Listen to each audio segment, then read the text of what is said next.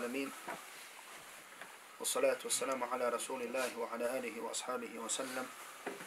وسلم تسليما كثيرا. زاهر بربا الله جل شانه. إدانا سيما سلوات سلام نفسنك الله وسلانيك محمد صلى الله عليه وسلم. كاج أزيشني الله تبارك وتعالى. يا أيها الذين آمنوا اتقوا الله حق تقاته. ولا تموتن إلا وأنتم مسلمون. وفي كبيرية bojite se Allaha za lašanuhu istinskom bogobojaznošću i nemojte umirati osim kao pravi muslimani. Allah tabarak wa ta'ala molimo da nas učini od onih koji ga se boje istinskom bogobojaznošću i od onih koji će umrijeti samo kao pravi muslimani. I molim ga subhanahu wa ta'ala da ga sretnemo, a da on sa nama bude zadovoljan. Kao što ste obavješteni, e, tema našeg večerašnjeg predavanja i druženja će biti islamofobija.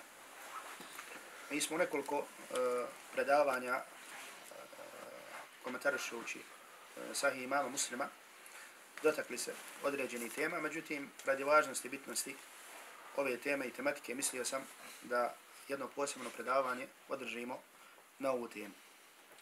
E, koliko se sjećam da smo bili spomenuli e, da jedna od definicija islamofobije je da islamofobija obuhvaća e, predrasude, mržnju i strah od islama i muslimana.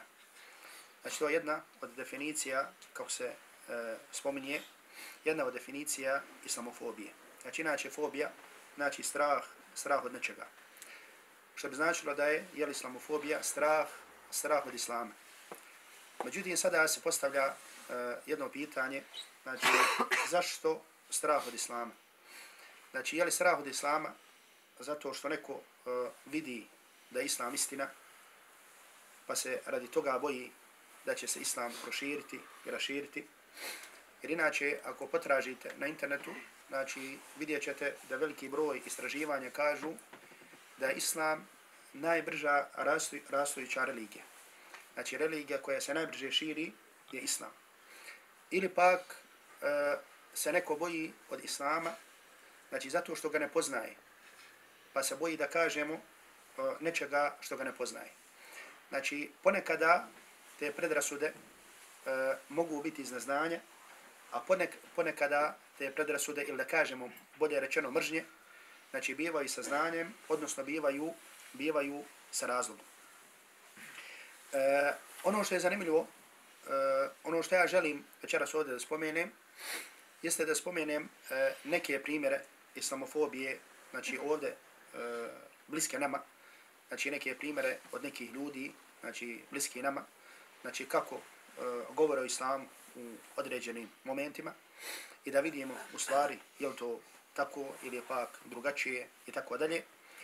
Međutim, ono što je zanimljivo jeste da veliki broj oni koji govore isla, o islamu u smislu da kritikuju islam, znači e, skoro, skoro pa nužno da vrijeđaju islam i da vrijeđaju islamske svetinje znači da kažem, opet ponavljam, pa kažem skoro pa nužno, znači da kada govore o islamu, iako su obrazovani ljudi, ili, što je još zanimljivije, znači bivaju od onih koji zagovaraju toleranciju, suživot, međusobno poštivanje, međutim, kao što ćete vidjeti iz određenih primjera, znači često uh, vrijeđaju islam i koriste veoma, veoma pogrdne riječi kada je u pitanju islam, i islamske svjetnje kao što je Kur'an, zatim Allahu poslanik sallallahu alejhi ve sellem i tako dalje.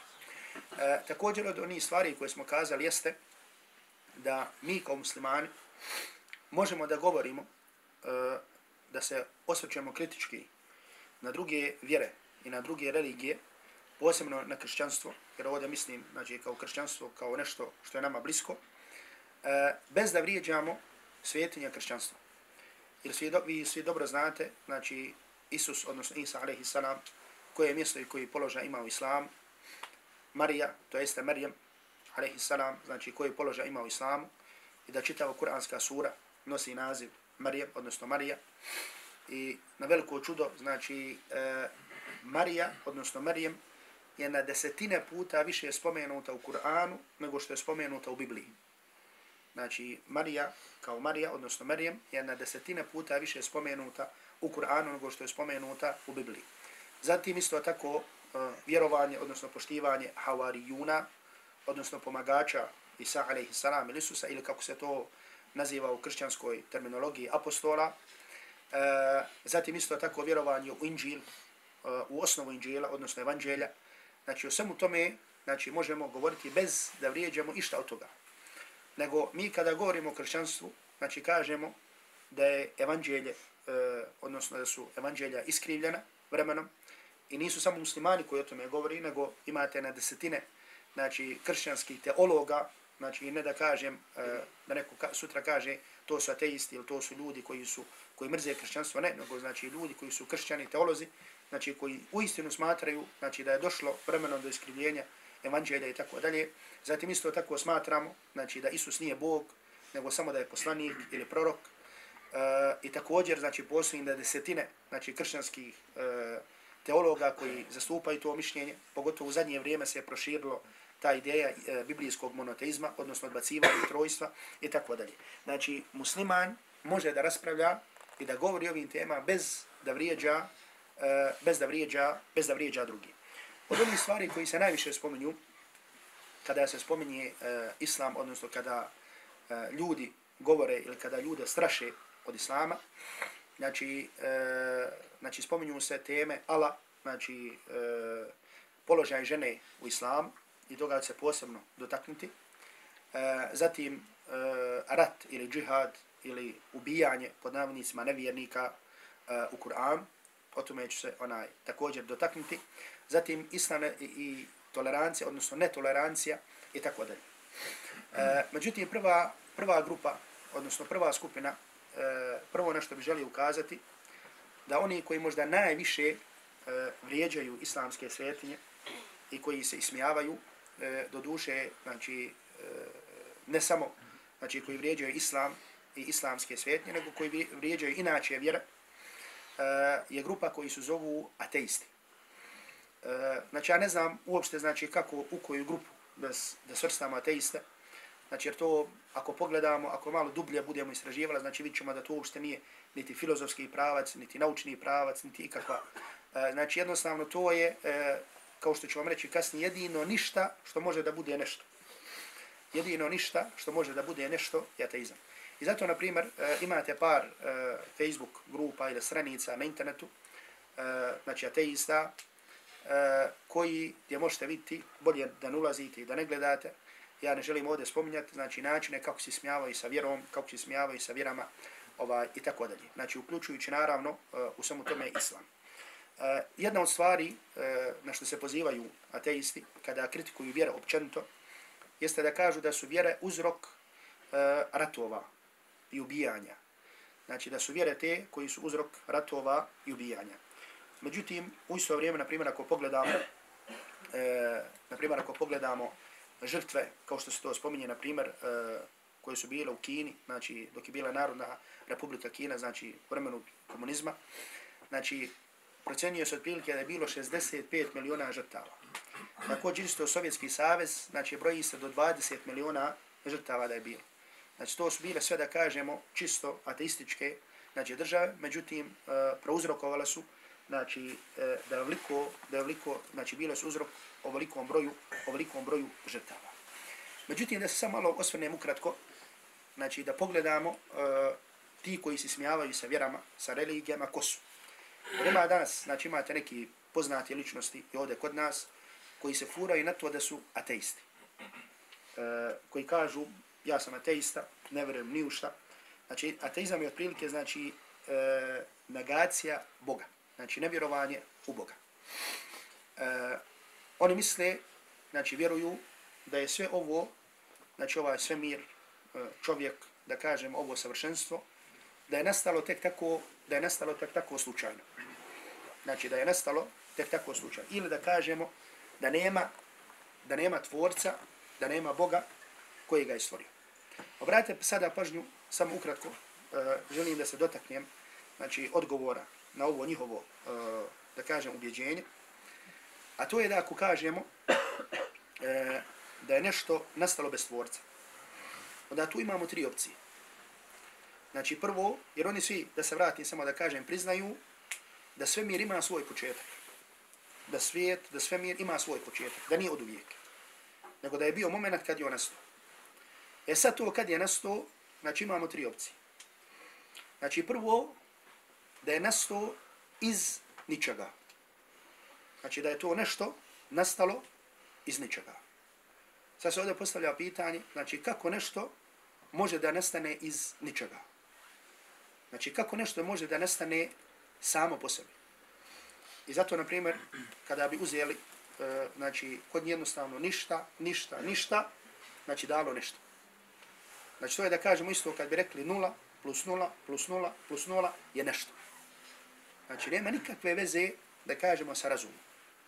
Znači da jednostavno iz ničega nastalo nešto.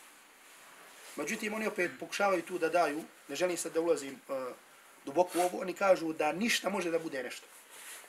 I zato sam rekao da jedino ništa pomeni što može da bude nešto je ateizam. Jer ateizam ništa. Druga opcija, znači jeste da je svemir stvorio sam sebe. Znači da je sve mir stvorio sam sebe. Znači gdje bi tu morali da u istom momentu imamo nepostojanje i postojanje. I to kada bi pretvorili na jedan jednostavan laički jezik, znači to bilo isto kada bi rekli da je majka rodila samu sebe. Da majka šta? Rodila samu, da majka rodila samu sebe. E, treća stvar jeste da je ovaj svemir nastao od prethodnog svemira, a on od prethodnog svemira, a on prethodnog svemira i sve tako u beskonačno. Znači, neće da priznaju postojanje, postojanje stvrtelja. Znači, to su tri opcije jedine iz koje ateisti kažu da može da je sve ovo, da je sve ovo nastalo. I normalno četvrta opcija, znači koja je, da kažemo, ispravna opcija, jeste da je ovo sve moralo da nastane od nečega ili od nekoga. I onda ovo savršenstvo, znači samo da spomenem, na primjer, zakone u fizici. Znači moralo je da nastane od nekoga, znači ko zna, ko ima volju i ko ima moć. A to opet upuće na koga? Na uzvišenog Allaha, tabarake wa ta'ala. Jer moguće je znači, da sada, znači, imamo, znači, sve, uh, ovo, da tako kažem, savršenstvo, znači, ove zakone u fizici, u naukama, u biologiji. Međutim, sve to da je nastalo samo, samo od sebe. I zato opet na jedan jednostavan, jednostavan e, jezik. Znači, to bi isto bilo, znači, ateizam ili inteligencija. Jednog ateiste je jednaka tome je da dođeš sada da kažeš da je ovaj sat, znači ovo što je u odnosu na svemir toliko odnosno ovaj telefon, što je toliko, toliko jednostavno, da je nastao sam od sebe. Da dođeš sada djetu i kažeš, vidiš ovaj sat, ili ovaj telefon, znaš kako je sine nastao? Znači, bila oluja, bio vjetar, bila kiša, bila grmljavina, pa kaže, bujica donijela komadić, želja za komadić lima, donijela komadić e, stakla, ovo donijelo komadić, ovoga, ovo komadić, i sam od sebe nasto ovaj sat. Znači, jedno obično dijete bi ti reklo da ti, znači da nisu redu. I zato veliki broj ljudi kaže da je ateizam u stvari da je to poremećaj. Da je to bolest. Da se ne može drugačije definisati nego bolest. Znači, i zato kažem, znači, ateizam je poniženje za ljudski razum. Znači, danas da dođeš da kažeš djetetu od pet godina da je tako nastao šta? Sad, on bi se, to bi se djete šta? Znači, smijelo. I zato, na primjer, najveći udarac, ovo ću vam samo spomenuti, naravno, nadam se da ću nekada da ćemo nekada imati vremena opširnije da govorimo o ateizmu. Zato što uh, ateizam je i tekako uh, e, ostavio veliki uticaj na ljude ovih prostora. Zašto? Zato što svi znate, znači, kakve veze imala Jugoslavija sa marksizmom, kakve je veze imalo uh, marksizam sa ateizmom i tako dalje. Tako da je direktno ili indirektno ostavio uticaj, znači i trag na ljude na ovom prostoru. Međutim, najveći udarac, najveći udarac za ateiste u ovom savremenom dobu je bilo uh, ostavljanje ateizma od strane osobe koja se zvala ikona ateizma. To je bio doktor Anthony Flew. Znači, to je bio doktor, filozof, uh, najpoznatiji filozof, najpoznatiji ateista uh, zadnjih godina, savremenog doba. Znači, možete naći znači, njegove klipove, njegove rasprave, njegove debate. Znači, on je vodio debate, znači, da ljude ubijedi u ateizam. I bio je najpoznatiji najpoznatiji da kažemo daja ili onaj pozivač u ateizam. I naćete, znači, satima su trajali njegove debate. znači sve dok uh, mu jedan E, student nije postavio jedno pitanje. Znači pitanje je glasilo uh, da mu je pokazao knjigu. Želim samo da uh, još će s ovim se zadovoljiti kad spominjem atizam.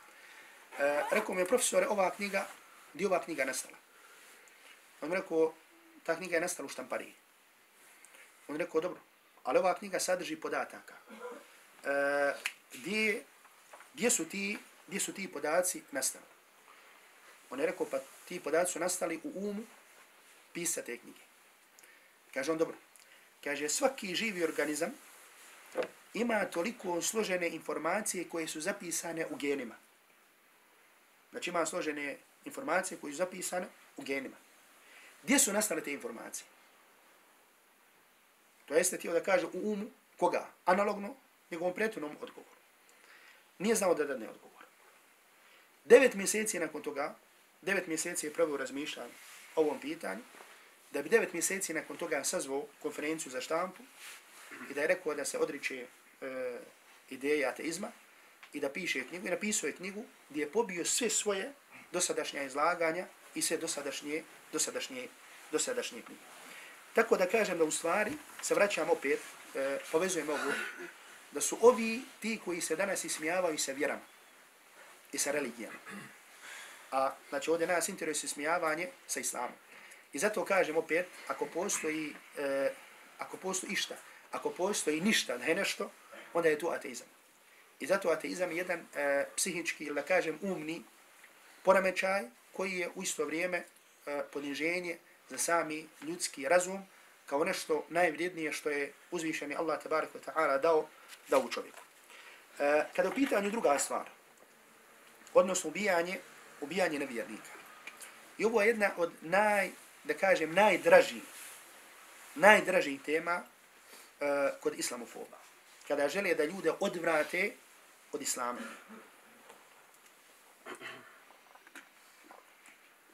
A to je pitanje džihada i pitanje ubijanja nevjernika. I onda navode iz Kur'ana ajete gdje se kaže, gdje se spominje ubijanje nevjernika. Postavljam se pitanje sada odma da kažemo da li ima u Kur'anu ajeta gdje se spominje ubijanje nevjernika. Postoji. Znači odmah kažem, naravno da postoji. Međutim, na koga se odnosi? I kada se odnosi? Znači to je ono što ukratko samo želim da, da ovdje pojasnim, mada mislim da većina vas zna to. Međutim, čisto da vidite, znači, zašto, odnosno kako ljudi druge straše od islama. Vi znate kada su pitanju muslimani i nemuslimani, znači da nemuslimani, znači da kažem mi smo muslimani, sada nemuslimani, postoje više kategorija nemuslimana. Znači nemuslimani, znači mogu da budu više kategorija. Uh, jedna od tih kategorija je zimmi. Znači zimmi je nemusliman koji živi u islamskoj državi, u islamskoj zemlji. Znači takva osoba se zove šta? Se zove zimmi. Znači, da li nemuslimani imaju pravo da žive u muslimanskoj državi? Kakav je odgovor? Imaju pravo da žive. Dobro. Druga kategorija je kategorija koja zove musta'men. Šta znači musta'men? Musta'men znači onaj koji uđe, nemusliman koji uđe u muslimansku zemlju sa garancijom. Znači da kažem uđe normalno, ko što danas ljudi ulaze sa vizama, na legalan način uđe, znači takva se osoba zove musta'men. Treća vrsta je nemusliman sa kojim si, pod, sa kojim si uh, potpisao sporazum. To jeste sa njim si u mirnom odnosu. Niste u odnosu ratovanja. Znači to se zove kako? Muahed. Pa ste sada ovo. Za ove tri kategorije Allahu poslanik Muhammed sallallahu alaihi wa sallam kaže hadisi za bilježi imam Bukhari u svom sahihu od Abdullah ibn Amra Man qatala muahadan lam yarih raihat al-janna. Kaže ko ubije jednu od ovih kategorija, kaže neće osjetiti miris dženneta. Znači ko ubije jednu od ovih kategorija, neće osjetiti šta? Miris dženneta. Dobro, da se sada vratimo. Na koga se odnose oni ajeti u kojima se spominju ubijanje nevjernika? Odnose se samo i isključivo na moment ratovanja. Znači, u momentu kada si u ratu, da kažemo sa nemuslimanima, mada musliman može da bude u ratu i sa muslimanima. Znači, kao što je, na primjer, slučaj, znači, takozvani Bugati ili Havarić. Znači, da sad ne ulazim detaljnije u terminologiju, znači, ako bi se desilo da skupina muslimana ustane protiv vladara, propisano je da se vladar bori protiv njih, sve dok se, sve dok se ne okane toga. Ili, na primjer, oni koji siju nered na zemlji, banditi i tako dalje. Znači, propisana je borba protiv njih, pa makar da su muslimani. Međutim, ovi ajeti, koji ovi spominje, isključivo se odnosi, znači, na stanje rata. I zato ovdje kažem, to odnošenje na stanje rata. Danas svaka država na svijetu ima, znači, svoj pravilnik ili zakon o ratovanju. I svaka država ima šta? Znači, ima svoje moraliste. Znači, ovi ajeti kuranski su jedna vrsta morala kada u pitanju ratovanja. I zato, na primjer, da zamislimo sada. Znači, evo, na primjer, država oko nas. Bilo, bilo koja država. Znači, kada šalje svoju vojsku da ratuje. Znači, što oni njima govore? Govore li, budite mirni, fini, tihi, tamo ako vidiš nekoga, nemoj pucati u njega, pucaj pored njega. Znači, ko to, ko, ko to tako govori? Evo imali smo, na primjer, Hrvatska je, svi se sjećamo, imali akciju Oluju. Znači, znači generali ili koji su vodili te akcije, jesu li oni govorili svojim vojnicima, nemojte, polako, fino, nego normalno su govorili, budite hrabri, ratujte i tako dalje. Znači, to je ono što se odnosi ovi kuranski ajta. I to je značenje ovih kuranskih ajeta. Da ne kažemo s druge strane, znači, zašto ne spominju Znači hadis Allahovog poslanika Muhammeda sallallahu alaihi wa sallam gdje se zabranjuje ubijanje djece, ubijanje žena, ubijanje monaha, ubijanje ovo. Znači sve ono što ne ratuje, znači zabranjuje se u islamu da se ubija. Znači jedino ko se ubija u ratu jesu osobe koje ratuju, koje mogu da ratuju. Međutim, svi koji ne ratuju, nije strogo zabranjeno ubiti. Znači sad da se desi da muslimane ratuju i uđu na kosam. I nađu žene, nađu djecu, nađu starce, nađu. Znači sve to strogo zabranjeno da, da ubiju. Znači da, da pomisle da ju ubiju. I to je lahko, to je lahko naći u islamskoj literaturi.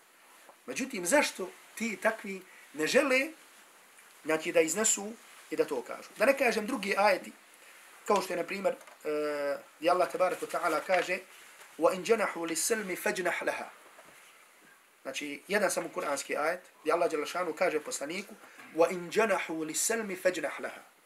A ako oni tjednu, ako oni budu skloni miru, feđnah laha, pa budi i ti sklon. Janahu li selmi feđnah laha. Ako oni budu, to jeste ne muslimani, skloni miru i da budu u miru s tobom, feđnah laha, pa onda i ti budi sklon. Znači, budi sklon tome da budeš u miru, da budeš u miru sa njim. Međutim, da kažem, ovo je kada se stvari uzimaju iz konteksta. Ja ću vam sada navesti samo još nekoliko citata. Na primjer, jedan od tih citata glasi, kaže, ne štijede ga, pobij muškarce i žene, djecu i dojenčad, goveda i ovce, deve i magarce. Drugi citat glasi, a one moje neprijatelje koji nisu htjeli da ja budem car nad njima, dovedi vamo i zakoljite predamnom. I zakoljite predamnom. U nekim prevodima se spomnije, kaže, i sjecite predamnom, smaknite i pogubite predamnom. Ova dva citata što sam sada za nje naveo, odakle su ova dva citata? Ovo su dva citata iz Biblije. Znači nisu iz Kur'ana. Znači da, da, da ovakva, ovaj prvi citat iz starog zavjeta. Znači nećete naći približno nikakav vaki citat u Kur'anu.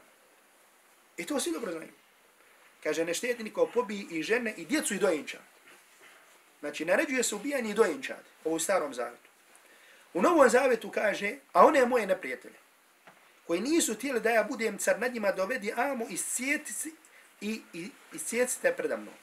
U jednom prevodu kaže sjetite, da sad e, kažem, Dančić Karadžić kaže sjetite, Tomislav Dretar zakoljite, i također prevodi e, Biblije na arapskom kaže fadbahu uddami, Kaže, zakoljite ga predamnom.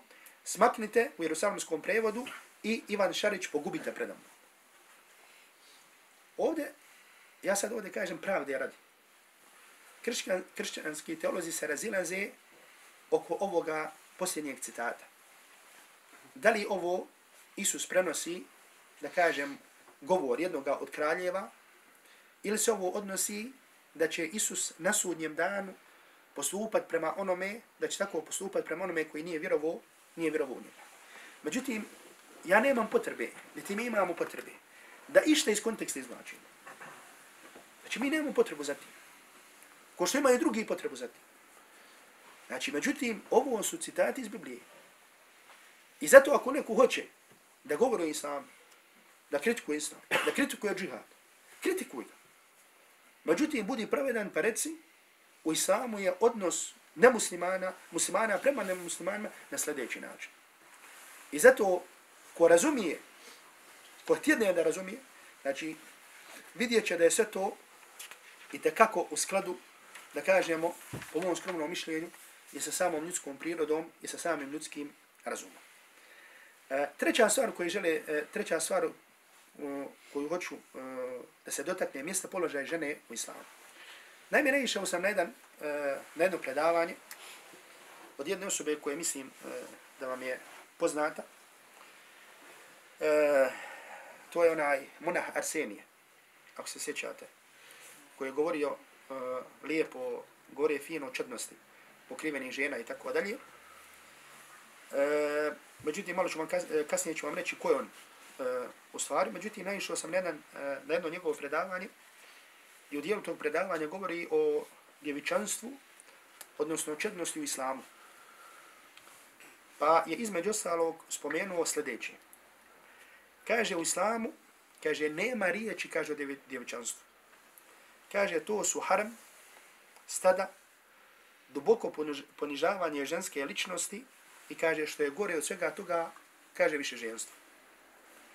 Kaže, one su čedne, ali samo da bi bili inkubatori koji hodaju i govore za nekog agu, rađaju mu djecu, duboko i stražno poniženje žene dan danas.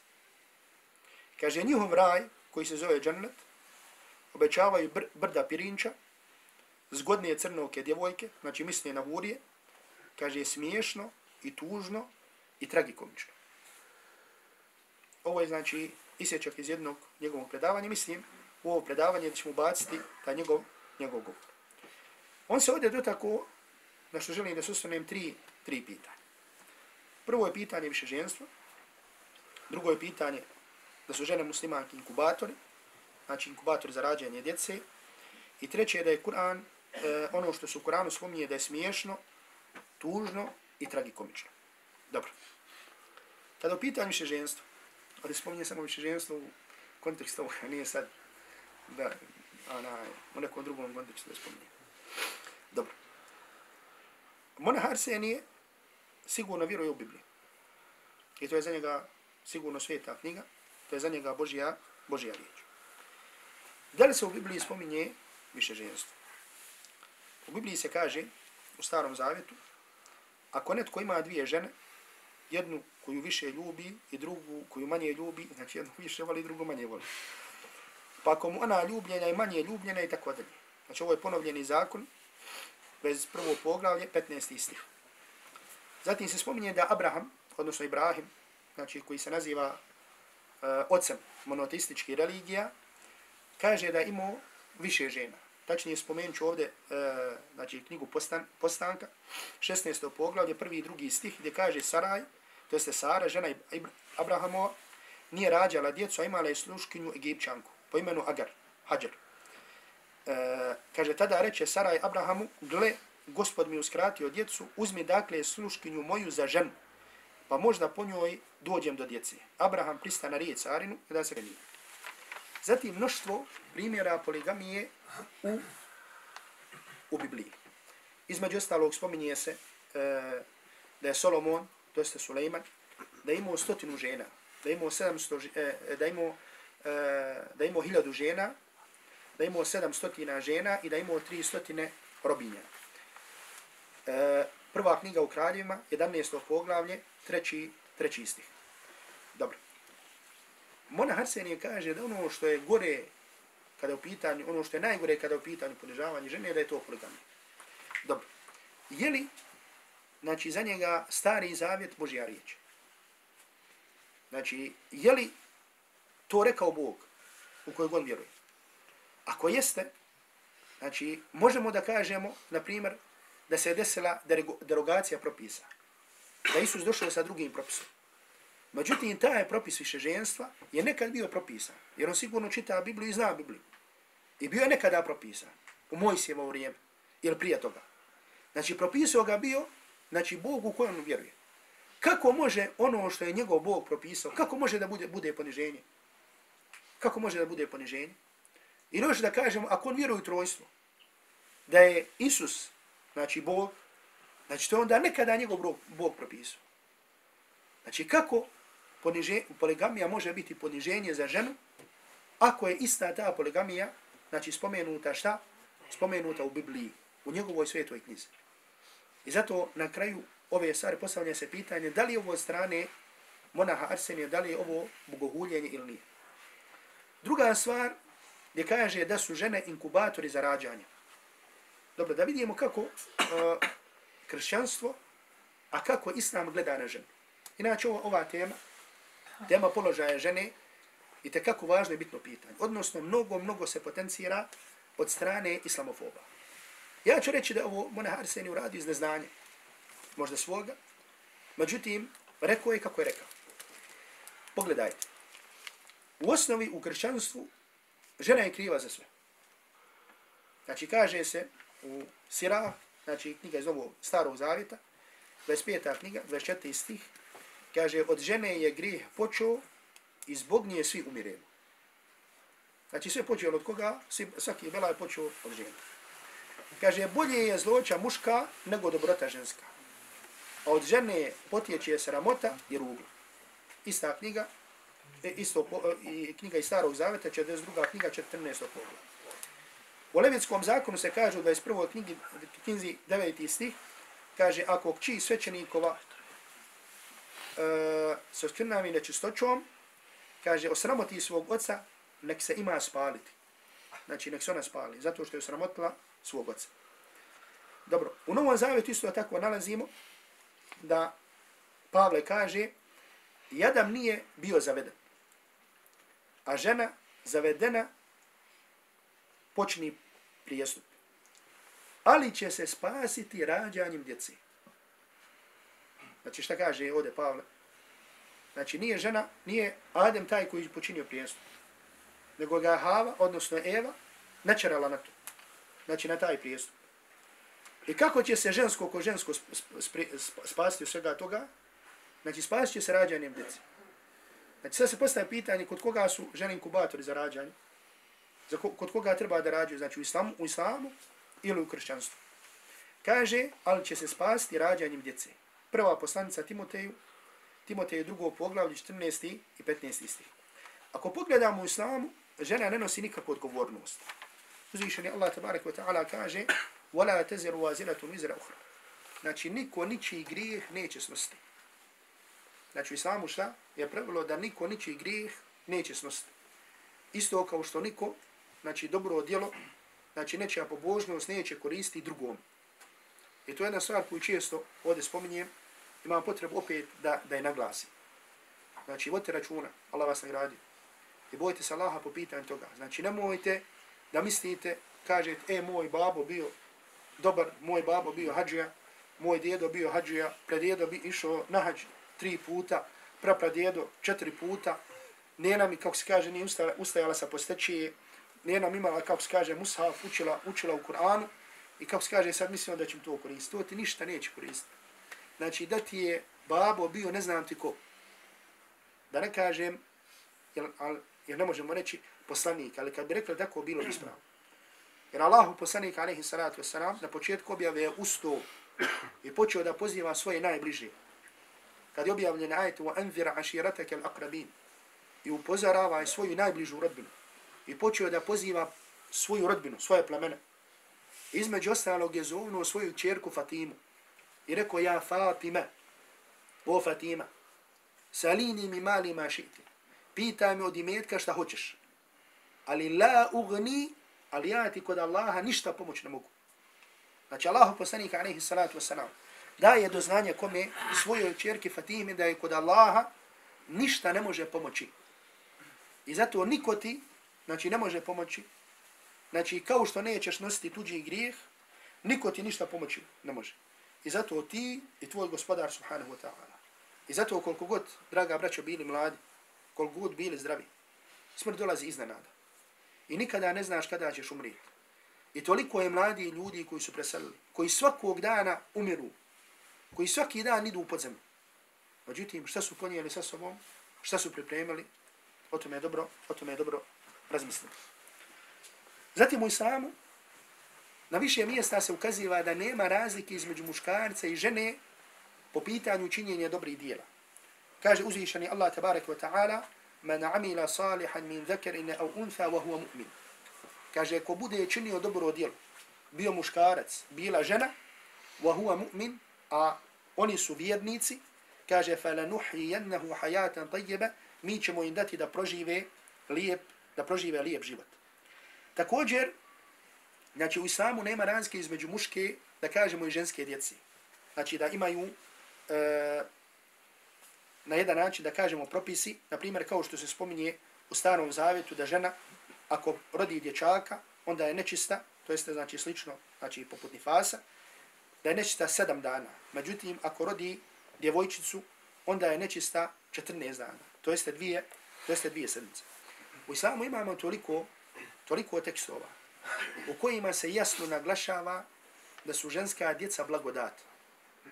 Da su ženska djeca blagodat. I zato od najljepših stvari na koji sam naišao, znači što se prenosi od prvih generacija muslimana da su govorili al banune ni'am wal banatu hasanat. Kaže sinovi su blagodati. A kaže kćeri su dobra djela. Kaže wallahu azza wa jal yuhasab ala ni'am. Allah jalla šanuhu će te pitati za blagodati. Će pitati će me za tebe. Pitati će me kako te riktao. Kaže, vojuđazi ala hasanat. A kaže, nagrađivaće za dobra djela. To jeste nagrađivaće zašto? Za kćere. I zato je došlo, između ostalo, kao što je zabilježi ima muslim, u svom sahihu od Anasa radijallahu ta'la anhu, da Allahu poslanika alaihi salatu wasalam rekao, man ala jarijatajni hatta tabluga, kaže, ko odgoji dvije čerke dok ne postanu punoljetne, jaa jeum al qiyamati ana wa huwa wa damma asabi'ahu.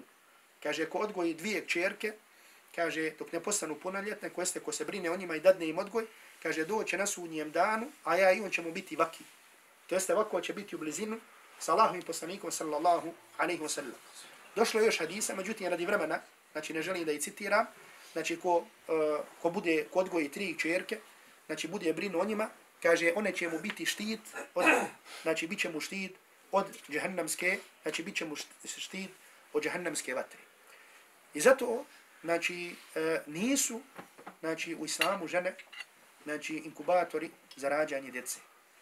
Znači, e, također se spominje, na primjer, u Novom Zavetu, e, znači, Pavlova, pos, prva poslan, poslanica Korinčanima, 14. poglavlje, 34. i 35. stih, kaže, žene neka šute na sastancima, jer se njima ne dopušta da govore, nego da budu pokorne. Kao što i zakon govori, ali ako hoće šta da nauče, kod kuće muževe svoje nek pitaju, jer je loše ženi da govori na sastanku. A vi znate da, da je u vremenu Allahovog poslanika, alaihi salatu wasalam, da su došle žene Allahovom poslaniku i rekla Allahov poslaniće, znači daj nama poseban dan gdje ćeš samo nas, gdje ćeš nas samo podučavati. I zato kroz istoriju Islama, znači znamo koliko je bilo žena, znači koje su imale izuzetno mjesto na polju i podučavanja i na polju ovoga. Znači nekada sam davno bio držao predavanje o tome, znači o položaju žene u Islamu. Međutim, samo uh, podatak koji ću spomenuti ovdje, jeste da danas najstariji univerzitet na svijetu, znači e, univerzitet koji se nalazi u Maroku, znači živući, znači koji još uvijek radi, e, on inače stariji od univerziteta na Bolonji, u Bolonji 229 godina. Znači zove se univerzitet Karawiyyin, znači nalazi se u Fesu, u Magribu, u Maroku, znači taj univerzitet ili tu, da kažemo, ustanovu je osnovala žena. Žena muslimanka, Fatima bint Muhammed al-Fihri. Znači Fatima, čerka Muhammeda al-Fihri. Neki kažu samo ona, međutim dok drugi kažu ona i njena, ona i njena sestra. I zato da kažem, znači, položaj žene, znači, uh, u islamu, znači, slobodno možemo da govorimo, znači, o položaju žene u islamu, o položaju žene u Bibliji. Uh, zatim, kada uh, Mona Harsenije kaže da ono što se u Kur'anu spominje, kada se spominju uh, hurije, kada se spominje čednost, da je to smiješno, tužno i tragikomično. E, znači, ja ne želim ovdje da se smijavam ni sa kim. e, znači, ne, imam potrebe onaj, e, sa tim, kao što sam rekao, e, znači, mi muslimani da možemo znači, sa svakim raspraviti bez da se smijavamo sa njima. Međutim, spomenut ću e, ovdje nekoliko citata iz Biblije. Znači, čisto da vidim, uh, opet da kažemo, znači, ti koji kažu za Kur'an, da što se spominju samo islamu da je smiješno, komično, tragikomično, znači, kako će njegov komentar biti na ove citate iz Biblije koje ćemo sada spomenuti. Na primjer, na jednom mjestu u starom zavitu se spominju, jeli, znači, kažem sa izvinjenjem što ću spomenuti, spominju se kožice polnih organa. Znači, one kožice, znači, nakon obrezivanja djeta, znači, koje se odstrane, Znači, spominje se, na primjer, u prvoj Samuelovoj knjizi, 18. poglavlje, 25. stih, kaže da e, je zatraženo, kaže Saulo reče, vi ćete ovako reći Davidu, kralj hoće za svadbenu stotinu takvih kožica od filistinaca, palestinaca, za osvetu neprijateljima kraljevi. Znači, to se na primjer spominje. Spominje se, zatim dalje, e, primjeri na primjer, više primjera bluda. Na primjer, spominje se kako je Lut, odnosno Lot, kako je počinio blud sa svojim čerkama. I kako su oba dvije te čerke rodile. Pa se tako, na primjer, u knjizu Postanka, 19. stihu, 19. knjizi, 36. stihu kaže, zatrudješe, dakle, obje čeri Lotove od oca svojega. Zatim blud se spominje sa tetkom, oca Mojsijevi. A kaže, Amram, se oženi svojom očevom sestrom, koja mu rodi Arona i Mojsija. Znači, e, otac od Muse i Haruna je oženio, znači, očevu sestru. I sa njom je dobio Musa i koga? Musa i Haruna. Zatim kaže za Abrahama, Ibrahima, da mu je stvari sestra, da mu je Sara, u stvari bila njegova rođena, da mu je rođena sestra, ili sestra po ocu. Zatim se spominje da Ruben, uh, Jakubov, Izraelov sin, je spavao sa ženom svog oca. Sada ne navodim stih, znači knjiga Postanka, 35. stih, 35. knjiga, 22. E, stih. Zatim ono što je još, da kažem, e, možda bi ovo za njega bilo tragikomično, uh, spominje se Juda, sin Jakov, Jakova, to jeste Jakuba, uh, znači čini blud sa svojom nevjestom znači čini blud sa svojom nevjestom. Pa se kaže, citirat ću ovdje stih, kaže, kada je tako vidje, vidje juda, pomisli da je bludnica. I on se navodi u rodoslovu Isusa, Isa, Isa alaihi salam, u Bibliji, juda. Kaže, kad je tako vidi juda, pomisli da je bludnica. On skrenu sa puta ka njoj i reče, slušaj, u godini. Nije znao da mu je to bila snaha. A ona reče, što ćeš mi dati da ti ugodim? A on odgovori, poslaću ti jare od stada. Ona reče, ali da mi dadneš zalog, dok ga pošelješ. On upita kakav zalog da ti dadnem, ona odgovori svoj pečatni prsten, svoju vrpcu i svoj štab što ti u ruci. Dada joj i bio je sa njim i ona zatrudnje od njega. Knjiga postanka, 38. knjiga, od 15. do 8. do 8. stiha. Zatim postoji nekoliko poglavlja cijelih e, u Bibliji za koje sam ubijeđen da kada bi možda Mona Harsen je došao na neku javnu debatu ili na neko javno mjesto, da ne bi smio, uh, da ne bi smio da ih pročita. Znači, od, da kažemo, jedne vrste nemorala koje se tu, koje se tu spominje. Znači, zašto? Znači, vidjeli ste ovdje šta se spominje. Znači, u Kur'anu se spominje šta? Spominju se hurije. Da znači, će biti žene koje će biti u džennetu. Kao nagrade stanicima dženneta. Znači, šta je tu sada komično ili tragikomično ili ne znam ti sada sada šta. Znači ja ovdje da vam kažem, znači ovaj, e, Mona Harsen inače meni e, ovako malo simpatičan ovaj lik. Ja ne znam da li vi znate ko je on, pošto ste vi mlađi, mi malo stariji. Onaj, ja sam nešto tako, onaj, sjećam se, ono, kroz uši. Znači, bila je prije rata e, u Jugoslavi jedna grupa, E. Katarina Velika. Ne znam ko se sjeća. On je bio član te grupe. Onaj, on se zove Aleksandar Jovanović ona, e, I on je jedini koji je preživio iz te grupe, svi drugi su umrli od kokaina, heroina, ne znam ti čega. On jedini koji je preživio, odšao je, odšao je u monahe. I on je sad trenutno jedan od veliki, ovaj, da kaže, misionara. Znači, bio je proveo dosta godina po manastirima. Znači, jeli, traže istinu, da molim Allaha Đelešanu da ga uputi, jer kogod traži istinu, nadat se inšala da će biti, da će biti upućen. Međutim, ono što ovdje želim, znači njemu i sličnim njemu da postavim pitanje. Znači, ako želi da nauči islam, znači što je problem da ga stvarno nauči? Ako želi da ga kritikuje, što je problem da ga nauči da vidi je to tako pa da, da ga kritikuje? Znači, da dođe ne, evo budu nek dođe kod nas. Znači, da ćemo mu da ugostit ćemo ga, da ćemo mu, kako se kaže, da spava, da živi, da jede, znači, bit će siguran. Znači, da vidi stvarno, jesu li u islamu žene inkubatori za rađanje djece ili nisu. Da poredimo Kur'an, da poredimo Bibliju, da vidim. Znači, zašto tak, na takav način da govori, da kažemo, jel možda da prepada ljudi od islama, ili ne znam ti šta. Međutim, znači, zašto na takav način da govori, da govori o Kur'anu. Znači, da je nešto tragikomično. Šta sada ovdje ispade, šta sada ovdje ispade, e, da je tragikomično. Znači ovdje znači može naći, znači kod nas i da upozna i da vidi i da razgovara, znači žena muslimanke koji praktikuju vjeru, znači koje su i završile fakultete i koji su doktori, koje su doktorice i koji su doktori fizike i hemije i medicine. Znači nije onako ko što on kaže. Znači pitanje je zašto se danas ljudi toliko, toliko boje islama. Znači istina je da islam danas najbrže, e, znači najbrže rastuća religija u svijetu.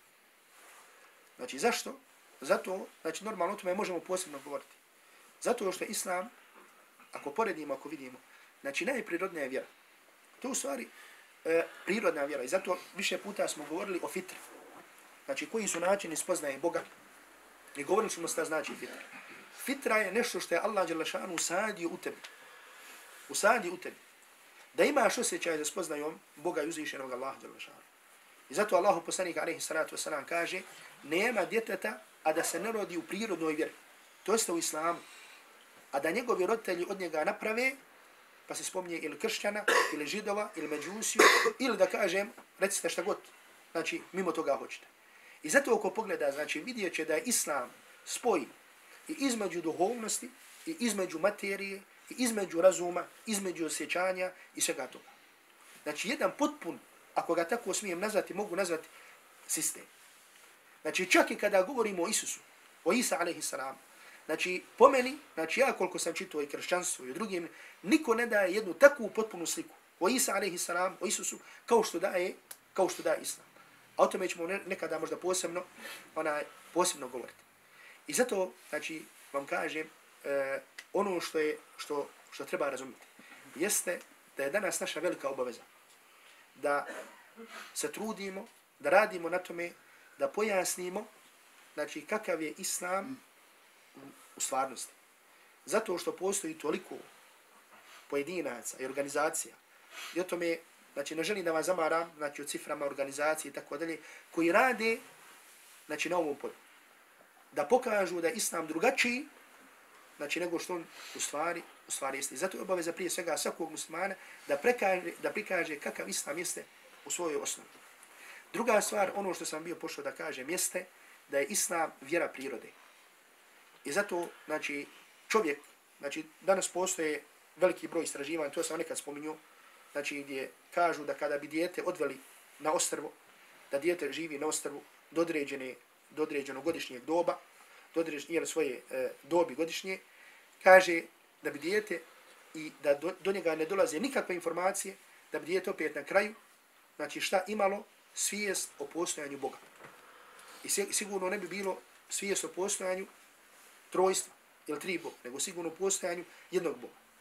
I zato isto tako s druge strane musliman zna Allah Đalešanu je dao u nama i to je ono što često puta spominjem. I želim da vam ovdje e, uh, spomene da sad tim završim. e, dosta puta mi ovako imamo ova naša sjela, druženja, gdje se savjetujemo šta valja, šta ne valja. E, nadam se da su ovo naša druženja kako bi popravili svoj odnos sa našim gospodarom, kako bi naš gospodar bio zadovoljniji sa, sa nama. Međutim, kažem, i to često napominjem se, a onda i vas, na riječ Allahovog poslanika Muhammeda sallallahu alaihi wa sallam, gdje kaže, wal ithmu ma hake fi sadrik, kaže, a grih je ono što tišti tvoja prsa. Grih je ono što tišti, tišti tvoja prsa. I zato mnoge stvari koje čovjek čini, čovjek ima osjećaj duboko u svojoj duši, valja li to ili ne valja. Duboko u svojoj duši ti znaš. Znači, razmisli nekada ono iskreno, iskreno porazgovaraj sa sobom. Život kojim ti živiš, je li to ispravan život? Je li to dobar život? Je li to nije dobar život? Ne treba da ti dođe nikakav ni hafiz, ni efendija, niti učenjak, niti ovaj, niti onaj da ti kaže. Znači, samo ti postavi pitanje.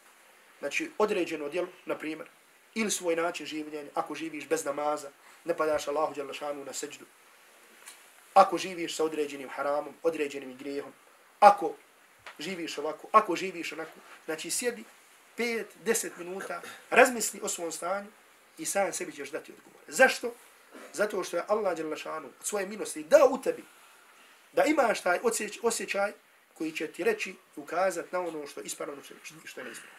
I zato sam više puta kazao i ponavljam da sam ubijeđen da oni najveći griješnici koji se oholi, znači i možda se hvale i hvalisaju i ponose svojim grijesima, da u svojoj duši znaju znači da to što čine da je, da je neispravo. Međutim, znači naša najveća obaveza jeste da na ovom dunjalu ko spoznamo našeg stvoritelja. Jer onaj ko spozna svog stvoritelja, on će spoznat sebe. I šta mu je zadaća na dunjalu. I naša najveća zadaća na ovom životu jeste da radimo kako bi naš gospodar bio zadovoljan sa nama. I nemojte da odlažemo, da odlažemo, da odlažemo, jer nikada ne znamo kada nam smrt, kada nam smrt može, može doći. Molim uzvišenog Allaha tabaraka wa ta'ala da nas smile, da nam oprosti i da ga sretnemo, a da on sa nama bude zadovoljan. Wa sallallahu ala Muhammedin wa alihi wa sahbihi wa sallam, wa sallam taslimu kathira.